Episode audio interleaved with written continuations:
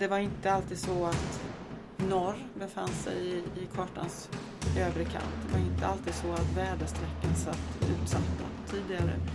Kartor kunde se otroligt personliga ut, gjorde det ofta. Fältmätarna var väldigt kompetenta. För att antas till fältmätningskåren så behövde du bra mycket kompetens med dig i form av tidigare utbildning eh, för att ens komma in. Och när du väl var inne i kåren så var det vidareutbildning som gällde.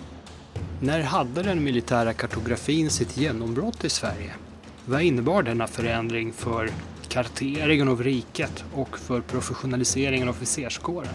På dessa frågor och andra svarar Maria Gustafsson som är lärare och studierektor här hos oss på militärhistoria på Försvarshögskolan, tillika mångårig medarbetare på Krigsarkivet där hon forskade på kartbeståndet. Hej Maria och tack så mycket för att du ville delta. Du har ju nedlagt rätt många år på att utforska Krigsarkivets eh, kartsamlingar. Eh, jag började på Krigsarkivet för 13 år sedan ganska exakt. Och eh, började då, hade som uppdrag att jobba i hög utsträckning just med kartsamlingarna. Så att det har upptagit en stor del av min tid. Nu är du helt rätt person att intervjua i det här sammanhanget när vi talar om den svenska militära kartografin och dess begynnelse. För att eh, det kanske är rimligt att börja med att prata om vad militär kartografi är för något och på vad sätt det skiljer sig från kartografi överhuvudtaget. Ja, man kan säga att, att eh, militär kartografi det beror lite grann på, på vad man lägger in i det. Alltså om det är Eh, en verksamhet som man har bedrivit för att upprätta kartor. Eh, eller om det är helt enkelt kartor som, som ritats lite mer ad hoc eh, i militära syften eller av militärer. Kartor ritades länge av både militära och civila men, men som kunde användas av militärer men verksamheten kommer igång lite senare. Det gäller framförallt den civila landkarteringen. De tidigaste militära kartorna som ritas i Sverige det är främst sådana som visar eh, Alltså dels gränsområden, kuster men framförallt kanske kring fästningar och ritningar över fästningar, planer över fästningar. För krigföringen var länge väldigt statisk. Eh, så man behövde egentligen inte så mycket kartor som, som visade hela landområden. När det gäller sjökarteringen då hade man i och för sig en tidigare eh, organisering av det militära eh, där man då skulle kartera vattnen. Eh, och samtidigt också bygga upp eh, lotssystem för det var svårt att rita sjökort och svårt att använda dem också så det var inget säkert eh, sätt att ta sig fram över sjön så man behövde andra sätt också. De militära kartograferna när det gäller sjökort de eh, arbetar egentligen både då för det civila och det militära. Eh, många sjökort var ju hemliga för de var så känsliga om de visade skärgårdarna till exempel. Men sen vissa kort så kunde även de civila behöva och det fanns ingen civil sjökartering i Sverige egentligen vid den här tiden. När det gäller landkarteringen så fanns det däremot en tidigt utvecklad organiserad landkartering i form av Lantmäteriet. En lantmäterifunktion startade redan i början på 1600-talet, eller 1630-talet. Medan en motsvarande organiserad militär organisation inte tillkom förrän ja, nästan 150 år senare faktiskt. Och eh, vad är det som föranleder att man nu systematiskt börjar Eh, kartera Sverige från militärt håll? Att man lägger sig till med en särskild organisation. Kan du berätta om omständigheterna? Ja, det har med eh, krigföringen att göra kan man säga. Eh, från 1700-talets början så blir kriget allt mer rörligt. Ju längre fram på 1700-talet kommer desto mer rörligt helt enkelt. Så att man, man behöver kartor för att kunna ja, veta var man befinner sig, flytta armén och så vidare. Ehm, det är också logistikens betydelse ökar, arméerna blir större. när det gäller sjökorten så kommer skärgårdsflottan in i, i eh, krigföringen. Och det börjar med stora nordiska kriget när, när ryssarna med all tydlighet visar att, att det här är ett framgångsrecept. Eh, Visade mot svenskarna så att svenskarna började därefter att också bygga upp en skärgårdsflotta och då behövde man definitivt sjökort för det är svårt att navigera i skärgårdarna. Så att det är väldigt hög utsträckning krigföringens utveckling som ligger bakom att man får nya behov av kartor. Sen kan man säga också att det fanns också behov inom det civila samhället som innebar att militären fick Eh, nya uppdrag att kartera. Så sjökort till exempel Eh, från mitten av 1700-talet så ökar den civila handelsflottan och vi får starka civila ekonomiska intressen som driver fram att det behöver bli säkrare att eh, transporteras till sjöss. Så de ligger också bakom att, att man eh, lägger in mer pengar, kräver att man ska eh, upprätta bättre sjökort helt enkelt. Och när det gäller det civila så framåt sekelskiftet 1800 då är det ett nytt samhälle som är på väg att växa fram med en infrastruktur som, som växer fram. Eh, vi har eh, städerna som växer. Vi har de agrara eh, reformerna som inleds redan på 1700-talet där man då styckar upp och omorganiserar hela bruket. Vi har den tidiga industrialiseringen. Alla de här sakerna gör att det krävs också för det civila samhället goda kartor eh, och kartor som täcker mycket större landområden. Så att det är egentligen eh, både civila och militära behov som ligger bakom den militära eh, organiserade kartografins utveckling. Berätta lite om själva organisationen, om hur man organiserar karteringen av svenskt territorium. Mm. Den eh, tidigaste organiseringen gällde, som jag nämnde, eh, sjökarteringen och det redan i slutet på 1600-talet. 1677 eh, för att vara närmare exakt, som en amiral som får i uppdrag att, att organisera upp lotsväsendet egentligen. Och till det uppdraget kommer även att, att upprätta sjökort men lotsväsendet kanske ändå var det primära vid den här tiden. Eh, så småningom, ungefär tio år senare, så tas det här uppdraget över av en lantmätare, eh, Petter Gedda, som är en av Sveriges mest kända eh, kartografer, får man säga.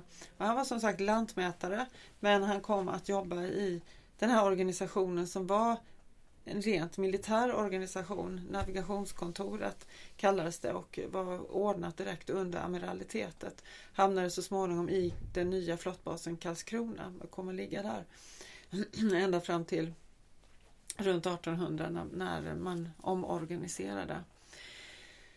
När det gäller landkarteringen så var det framförallt inom fortifikationen som kartorna länge upprättades för fortifikatörer var väl utbildade och i deras utbildning så ingick också att man skulle lära sig att rita. Eh, och då var det vissa individer som gjorde mer av kartor och så men, men det var ändå ganska ad hoc betonat. De kunde i och för sig få uppdrag naturligtvis, områden som måste ritas. Men ibland så var det också, får man intrycket av att faktiskt ett visst personligt eh, engagemang som låg bakom att man gjorde de här kartorna. Eh, I, i mitten på 1700-talet då börjar man för första gången att, att kartera större områden. Och det man tittar på då är influenser från Frankrike där man redan från slutet av 1600-talet börjat kartera hela franska riket eh, under en kartograf som heter Cassini som är en av de mest kända figurerna inom kartografins historia. Eh, och de här metoderna som man använder sig av plockar man hem till, till Sverige. Och man börjar så smått men framför allt så i Pommerska kriget då eh, började man genomföra någonting som hette den Pommerska kartan som skulle täcka hela det här området. Och det var alltså ett, ett, ett verk som gjordes under krigs tid eh, och naturligtvis avslutades sedan. Men tankarna man fick med sig det här var alltså under eh, sjuårskriget då som, som det här inträffade, så 1763 tror jag att det avslutades. Tankarna från det här och, och vissa personer då som hade jobbat väldigt aktivt i det här karteringsarbetet de återvände sedan till Sverige. En av de viktigaste i det var eh, Magnus Göran Sprängporten som så småningom blev chef för Savolaxbrigaden i Finland. Och han började på eget initiativ, helt eget initiativ, att göra ett kartverk över det område så att säga som han chefade över. För han såg eh, betydelsen av, behovet av att ha en god karta. Det här var ju gränstrakter till Finland, man kunde räkna, eller Ryssland. Man kunde räkna med att om det blir krig igen så skulle det här drabbas hårt och man såg att, att som sagt kriget hade blivit rörligare. Så han började arbeta med det här, hade med sig ett antal officerare som också på eget bevåg och på egen bekostnad, man hade ingen instruktion uppifrån, allt skedde på eget initiativ, arbetade med det här. Men kort därefter så, så eh, tog Gustav III eh, makten 1772 och bestämde sig då ganska snabbt för att, att ett, ny, ett revanschkrig mot Ryssland skulle nog eh, komma att komma så att säga och då började han planera för vad det var som var viktigt och han tittade på försvarsplaner som fanns över Finland och hur man då hade bedömt eh, hur kriget skulle kunna komma att drabba Finland. Eh, och därför så, så eh, beslutade han 1776 att det skulle upprättas en ny organisation för karteringen av Finland. Och denna organisation kallas för Finska rekognoseringsverket. Så småningom kom Sprängportens karteringsverksamhet också att bakas in i det här. Så att då kom det att täcka hela Finland inklusive faktiskt skärgårdarna så att de bedrev även viss sjökartering över det här området. Och att det då var Finland som man koncentrerade sig på och inte själva alltså, kärn-Sverige. Det berodde ju på den stora strategiska eh, betydelsen som finns. Och Sverige hade varit i, Finland, med, i krig med Ryssland flera gånger under 1700-talet och förstod att det här kommer att drabba än en gång och att det då är det här rörliga kriget eh, som man kommer att råka ut för. Så, så eh, området behövde karteras. Eh, däremot var organisationen fortfarande ganska rudimentär. Man hade vissa problem till exempel i form av att eh, officerarna fortfarande tillhörde sina regementen. Så att under kriget 1788 till 90 så försvann de snabbt tillbaka till sina regementen. Många kom inte tillbaka. Vilket gjorde att, att det var svårt att få igång organisationen igen. Det fanns inga bra karriärmöjligheter inom Finska rekognoseringsverket och, och så.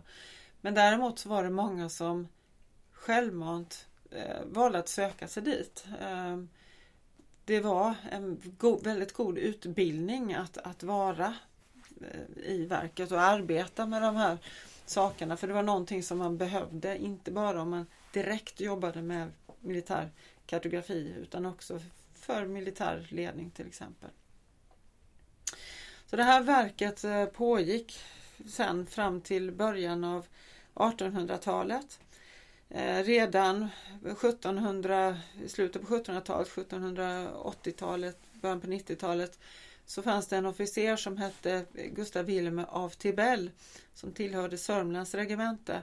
Och han började plädera för att man borde ha en betydligt mer modern organisation för militär landkartering. Han följde noga vad som hände nere på kontinenten med revolutionskrigen och i slutet på 1700-talet, 1797 vill jag minnas att det var, då begav han sig också ner till Frankrike för att tjänstgöra i den franska armén. Det här var någonting som var vanligt att svenska officerare gjorde vid den här tiden, att man tjänstgjorde i någon av Europas arméer eller flottor. Ibland gjorde man flera eh, stopp så att säga på, på den här uh, turen för att helt enkelt uh, kompetensutveckla sig mm, för att mm. använda ett modernt ord. Och han gav sig då, till, då ner till den franska som ju var den starkaste, den mest moderna armén. Eh, och han kom att röna stor framgång där. Han kom så småningom att bli chef för en topografisk kår som upprättades i den italienska republiken, vilket var en lydrepublik till, till Frankrike. Så han blev chef för den här kåren eh, som det dessutom tillhörde ett arkiv till. 1801 blev han chef där. 1803 kallades han hem till Sverige igen av kungen Gustav IV Adolf eh, som, som såg att det här var en, en eh, förmåga som man verkligen hade behov av. Sverige var ju inte med i Napoleonkrigen eh, vid den här tiden men eh, man kunde ju inte stillatigande åse vad som hände runt om och förstod att, att eh, landet var hotat. Eh, och eh, en sak som då man, man, insåg i Sverige var att man behövde göra om militärledningen. Man behövde omorganisera, förnya, modernisera. Och då fanns alltså Tibell nere på kontinenten, hade tjänstgjort i militärledning, hade massor av idéer. Så han kallades hem främst egentligen för att hjälpa till med den omorganisationen. Men han kom direkt också att börja plädera återigen för att vi skulle ha en modern organisation för kartering, militär kartering. Så han la fram förslag för det och eh, i april 1805 så beslutade Gustav IV Adolf att en kåren, en speciell kår, fältmätningskåren, skulle upprättas. Till den skulle det också höra ett arkiv, det Kungliga krigsarkivet. Så dagens krigsarkiv är alltså från början ett kartarkiv som hörde till den här kåren. Kåren hade flera uppgifter. I fred så skulle den kartera hela riket eh, och eh, anledningen till det var fanns att, att, både inom det civila och det militära. Det stod uttryckligen att i det militära så var det den nya krigföringen som krävde goda kartor, exakta kartor, kartor som, som eh, eh, ja, konsekventa och, och håller måttet helt enkelt. Och när det gällde det civila samhället så är det just det här nya samhället som, som man lyfter fram som kräver också goda kartor över hela riket. Det var det man skulle göra i, i fredstid. Man skulle även samla statistik och beskriva landet, så inte bara kartbilderna i sig, utan verkligen samla in kunskap om eh, landet. I krig så skulle fältmätarna eh, serva den militära ledningen i alla staber egentligen, skulle de placeras ut. Eh, och där skulle man ge råd om eh, marschvägar, var man skulle slå läger, vad bästa stället var för eh, slag och så vidare. Hjälpa till med rekognosering, det var ju deras specialitet får man säga. Man skulle också finnas på plats när det hände saker och skriva ner vad det var som hände och samla skisser för att i efterhand kunna skriva krigets historia. Och det här gjorde man både i ord och bild. Så man gjorde alltså kartplaner som, som ritade upp de olika skeendena i slagen eh, åtföljt av eh, text till så att man skulle kunna i efterhand se vad det var som hände och förstås lära sig av historien. Så att det var de två huvudsyftena som man hade i krig. Sen kan man säga att det egentligen fanns en, en eh, ja, det blev som en uppgift till som egentligen inte står stipulerat att de skulle göra. Men fältmätarna var väldigt kompetenta. För att antas till fältmätningskåren så behövde du bra mycket kompetens med dig i form av tidigare utbildning eh, för att ens komma in. Och när du väl var inne i kåren så var det vidareutbildning som gällde. Och fältmätarna hade också egna utbildningar där de så att säga som fungerade som internutbildning men där också andra officerare kunde gå så att de blev alltså lärare helt enkelt. Det var för övrigt någonting som även finska rekognoseringsverket hade fungerat som. För det här var en viktig kunskap. Att rekognosera var något som inte bara kartografer behövde utan många, många fler. Eh, så att det där blev som en tredje funktion också, en viktig sådan. Och man kan säga att alla de här uppdragen de var oerhört viktiga. Fältmätningskåren var inte stor. Den bestod allt som allt av kanske 15 16 personer i den fasta kadern. Men det var en fast kader också till skillnad från eh, finska rekognoseringsverket. De hade en egen budget. Den var inte stor men de hade en sådan i alla fall så de kunde planera sitt arbete väl. Eh, den, eh, och de hade sin, sin utbildning då som sen byggdes vidare på så att de kom verkligen att eh, fungera eh, som lärare också.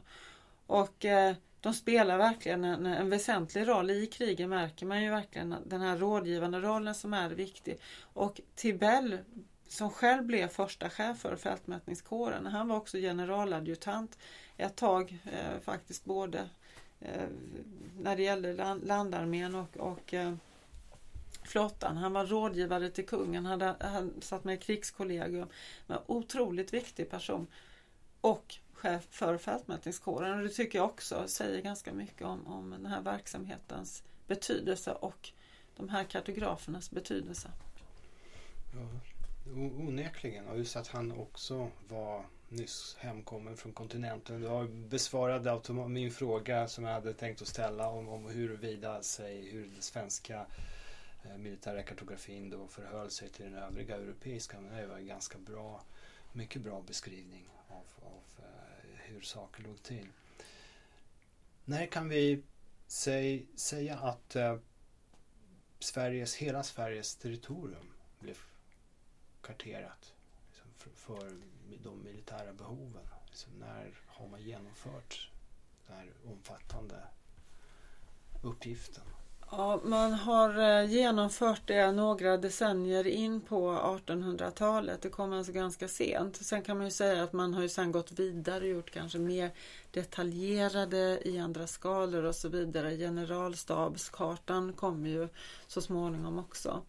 Men det tar alltså så pass lång tid och det är ju framförallt vissa områden som släpar så att säga efter så då är vi där igen. Det fanns inte de här stora strategiska behoven och kanske inte heller då de här största behoven för, för eh, övergripande kartor för civila behov. Men en bit in på 1800-talet. Det är överhuvudtaget väldigt mycket som händer i början på 1800-talet samtidigt som den här organisationen kommer fram. Man får det, det är en helt annan typ av modern verksamhet som bedrivs. Och ett litet exempel som Tibell tar med sig från Frankrike är att han inför standardiserade symboler. Kan tyckas självklart idag men det var det inte tidigare. 1807 finns det ett förslag i, i ehm, jag tror det ligger i fältmätningskårens arkiv där man ser att så här ska det se ut och en, en, en lång rad symboler som då ska införas. Eh, standardiserade skalor kommer i den här vevan också. Eh, Finska rekognoseringsverket började med det men det är först nu man får det här riktigt fullt ut genomförbart. Och man kan tycka att det där är ju så otroligt självklart att det måste vara en och samma men, men så var det inte för. Eh, det var inte alltid så att norr befann sig i, i kartans övre kant. Det var inte alltid så att väderstrecken satt utsatta tidigare. Kartor kunde se otroligt personliga ut, gjorde det ofta. Ehm, så man får en enhetlighet, man får ett, ett mycket mer strukturerat arbete. Kartorna blir väldigt mycket mer avskalade i sin form. Den här eh, konstnärliga utsmyckningarna som finns och, och symbolismen eh, i form av ja, där, där, man kan se det som vi kanske skulle kalla för propagandistiska symboler. Eh, stolta lejon som markerar en, en, en, krigsplan som visar ett slag där det gått bra för Sverige till exempel. Allt, allt sånt försvinner utan blir väldigt avskalat eh, och mycket mer funktionellt helt enkelt.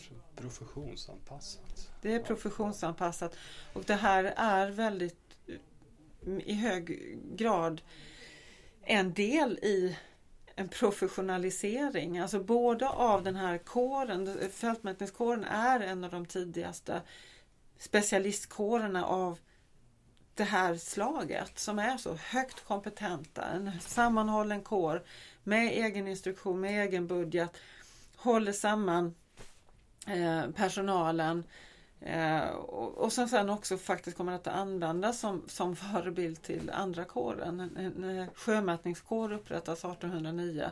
Där har man i hög utsträckning tittat på fältmätningskåren. Eh, 1811 så omorganiseras fältmätningskåren eller rättare sagt så slås fältmätningskåren ihop med fortifikationen som då blivit helt omodern och man, man så man måste göra någonting åt det här. Och då slog man ihop det till vad som kallades för eh, ingenjörskåren med två brigader, en fortifikationsbrigad och en eh, fältmätningsbrigad.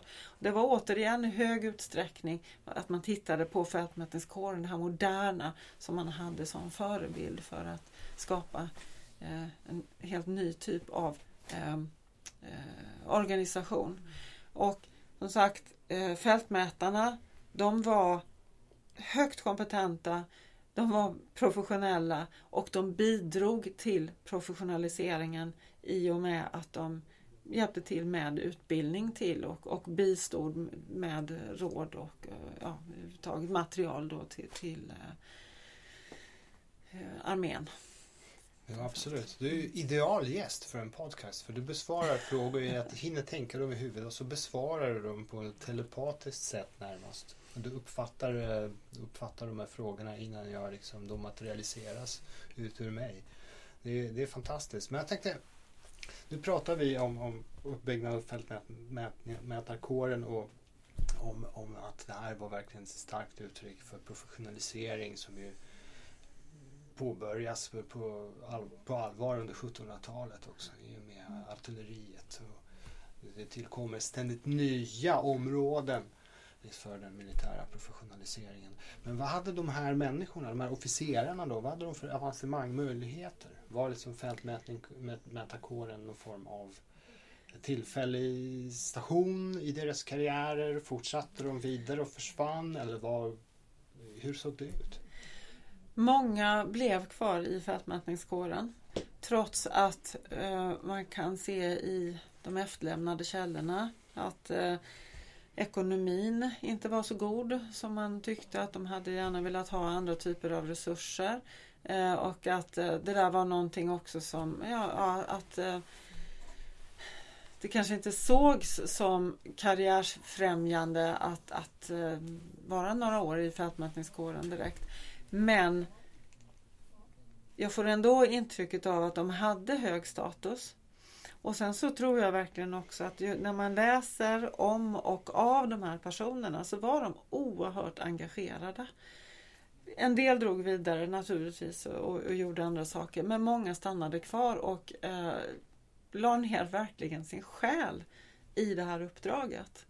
Och det är en aspekt som, som eh, man verkligen inte kan eh, så att säga, eh, tappa bort. För att det personliga, och det märks ju nästan ännu mer. Alltså, Finska rekognoseringsverket som jag sa, de arbetar ofta oavlönade. De kunde ibland gå samman och, och dela, om, om det var någon som hade så att säga, lön från ett, ett regement, ja då kunde man alltså, dela på de resurser som fanns för att alla skulle kunna hjälpa till att arbeta. För de hade, fick inga resurser för det.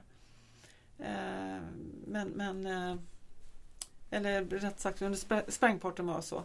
Eh, och det fanns faktiskt lite grann i, i rekognoseringsverket också. Att det fanns ett driv. Man, många ville jobba som volontärer där ett tag, det vill säga oavlönat. För att man, där ansåg man att det var eh, karriärfrämjande däremot i bemärkelsen att man, man blev mer kompetent helt enkelt. Eh, man lärde sig saker som var bra i andra, andra tjänster. Men så, även när det gäller fältmätningskåren så, så eh, de hade det inte fett. Det var ingenting man gjorde sig rik på och det var ingenting som, som eh, eh, ja, var väldigt karriärsfrämjande. Men de eh, hade status och eh, de, många blev kvar, verkligen hade hela sina karriärer där. Jag har en fråga. Det är egentligen två frågor gällande själva kartorna. Finns det kartor som skulle kunna användas än idag? Alltså inom militärväsendet. Så, I övning. Det, Och andra frågan, ja. innan du börjar svara. Andra frågan, om du har en favoritkarta som ja. du skulle vilja berätta om? Ja, eh, för att börja med den första frågan så skulle jag säga att när det gäller landkartor så finns det de landkartor som är ritade redan under andra halvan av 1600-talet som är av förvånansvärt hög kvalitet och exakta. Eh, vi har Gerhard von Burmans Skånekarta till exempel som, som tog flera år att rita. 1680-talet talar vi om då. Eh, och han, han, var militär och Skåne var ju otroligt strategiskt viktigt vid den här Absolut. tiden. hade just blivit svenskt och danskarna ville ha, ha tillbaka den förlorade provinsen. Så att där är ju uppritat alltså varje, varje by, varje liten vägsnutt, varje Alltså det är så otroligt detaljerat. Och den ser i ganska hög utsträckning ut som Skåne ser ut. Ett annat exempel är en, en eh, bohuskarta ritad också på tror jag 1680-talet just av en lantmätare som jag just nu inte minns namnet på. Eh, men jag skulle tro att han har gjort det direkt för militära syften för att den, det är ingen lantmäterikarta, den är också extremt detaljerad. Och den användes i början på 1900-talet eh, när man skulle fastställa gränsen mellan Norge och Sverige. Och det kan man ju tycka, alltså, det borde ju funnits mer moderna kartor men den höll så hög kvalitet att man ansåg att den var fullt användbar. När det gäller sjökort däremot så skulle jag ju aldrig ge mig ut till sjöss med en 1600 eller 1700-tals karta. För det, det skulle vara högst riskabelt. Och det leder mig in på din andra fråga en av mina favoriter är en, en karta som är ritad på 1760-talet.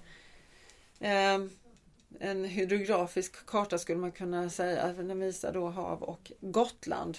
Ehm, eh, och i mitten på 1700-talet, 1756, så beslutade riksdagen att man måste se till att säkerheten till sjöss blev bättre. Och som en del i det så skulle man se till att det upprättades nya och bättre sjökort. Sjökortens förbättrande brukar det här kallas. Och det är precis som jag sa att de civila intressena har fått mycket mer att säga till om men det fanns också militära intressen bakom det här med skärgårdskrigföringen och så. Och då började man mäta på ett helt annat sätt med nya, nya metoder, nya instrument som också kom vid den här tiden. Kronometern kommer fram vid den här tiden så man kan göra mer noggranna kort. Eh, jag skulle säga fortfarande inte så noggranna att jag skulle vilja använda dem idag men de blev betydligt bättre. Och då finns det ett, en sån här karta som visar Gotland gånger två helt enkelt. Den är ritad 1767 och eh, det är två civila karterare som ritat först en bild så som Gotland ritades på 1730-talet av den dåvarande chefen för navigationskontoret som jag nämnde här i början av vårt samtal, Nils Strömkrona. Och då har man skrivit i kanten att eh, på, på den rosa bilden så, så är det kartan så som Nils Strömkrona ritade den. Och sen så ligger en annan kartbild över. Den ena är grå, grön och den andra rosa. Och den andra färgen då den visar att så här har vi kommit fram till att Gotland verkligen ligger efter det att vi har genomfört de nya mätningarna. Och då ser man att, att det ligger, alltså det överlappar kanske med 60 procent. Alltså Gotland ligger inte riktigt där det skulle det ha legat. Det ligger inte alls där man skulle ha placerat det. Eh, den tycker jag säger så otroligt mycket om svårigheterna att eh, rita kartor och framförallt eh, när det gäller på vatten. Alltså kunna bestämma exakt var man befinner sig när man har vatten under fötterna.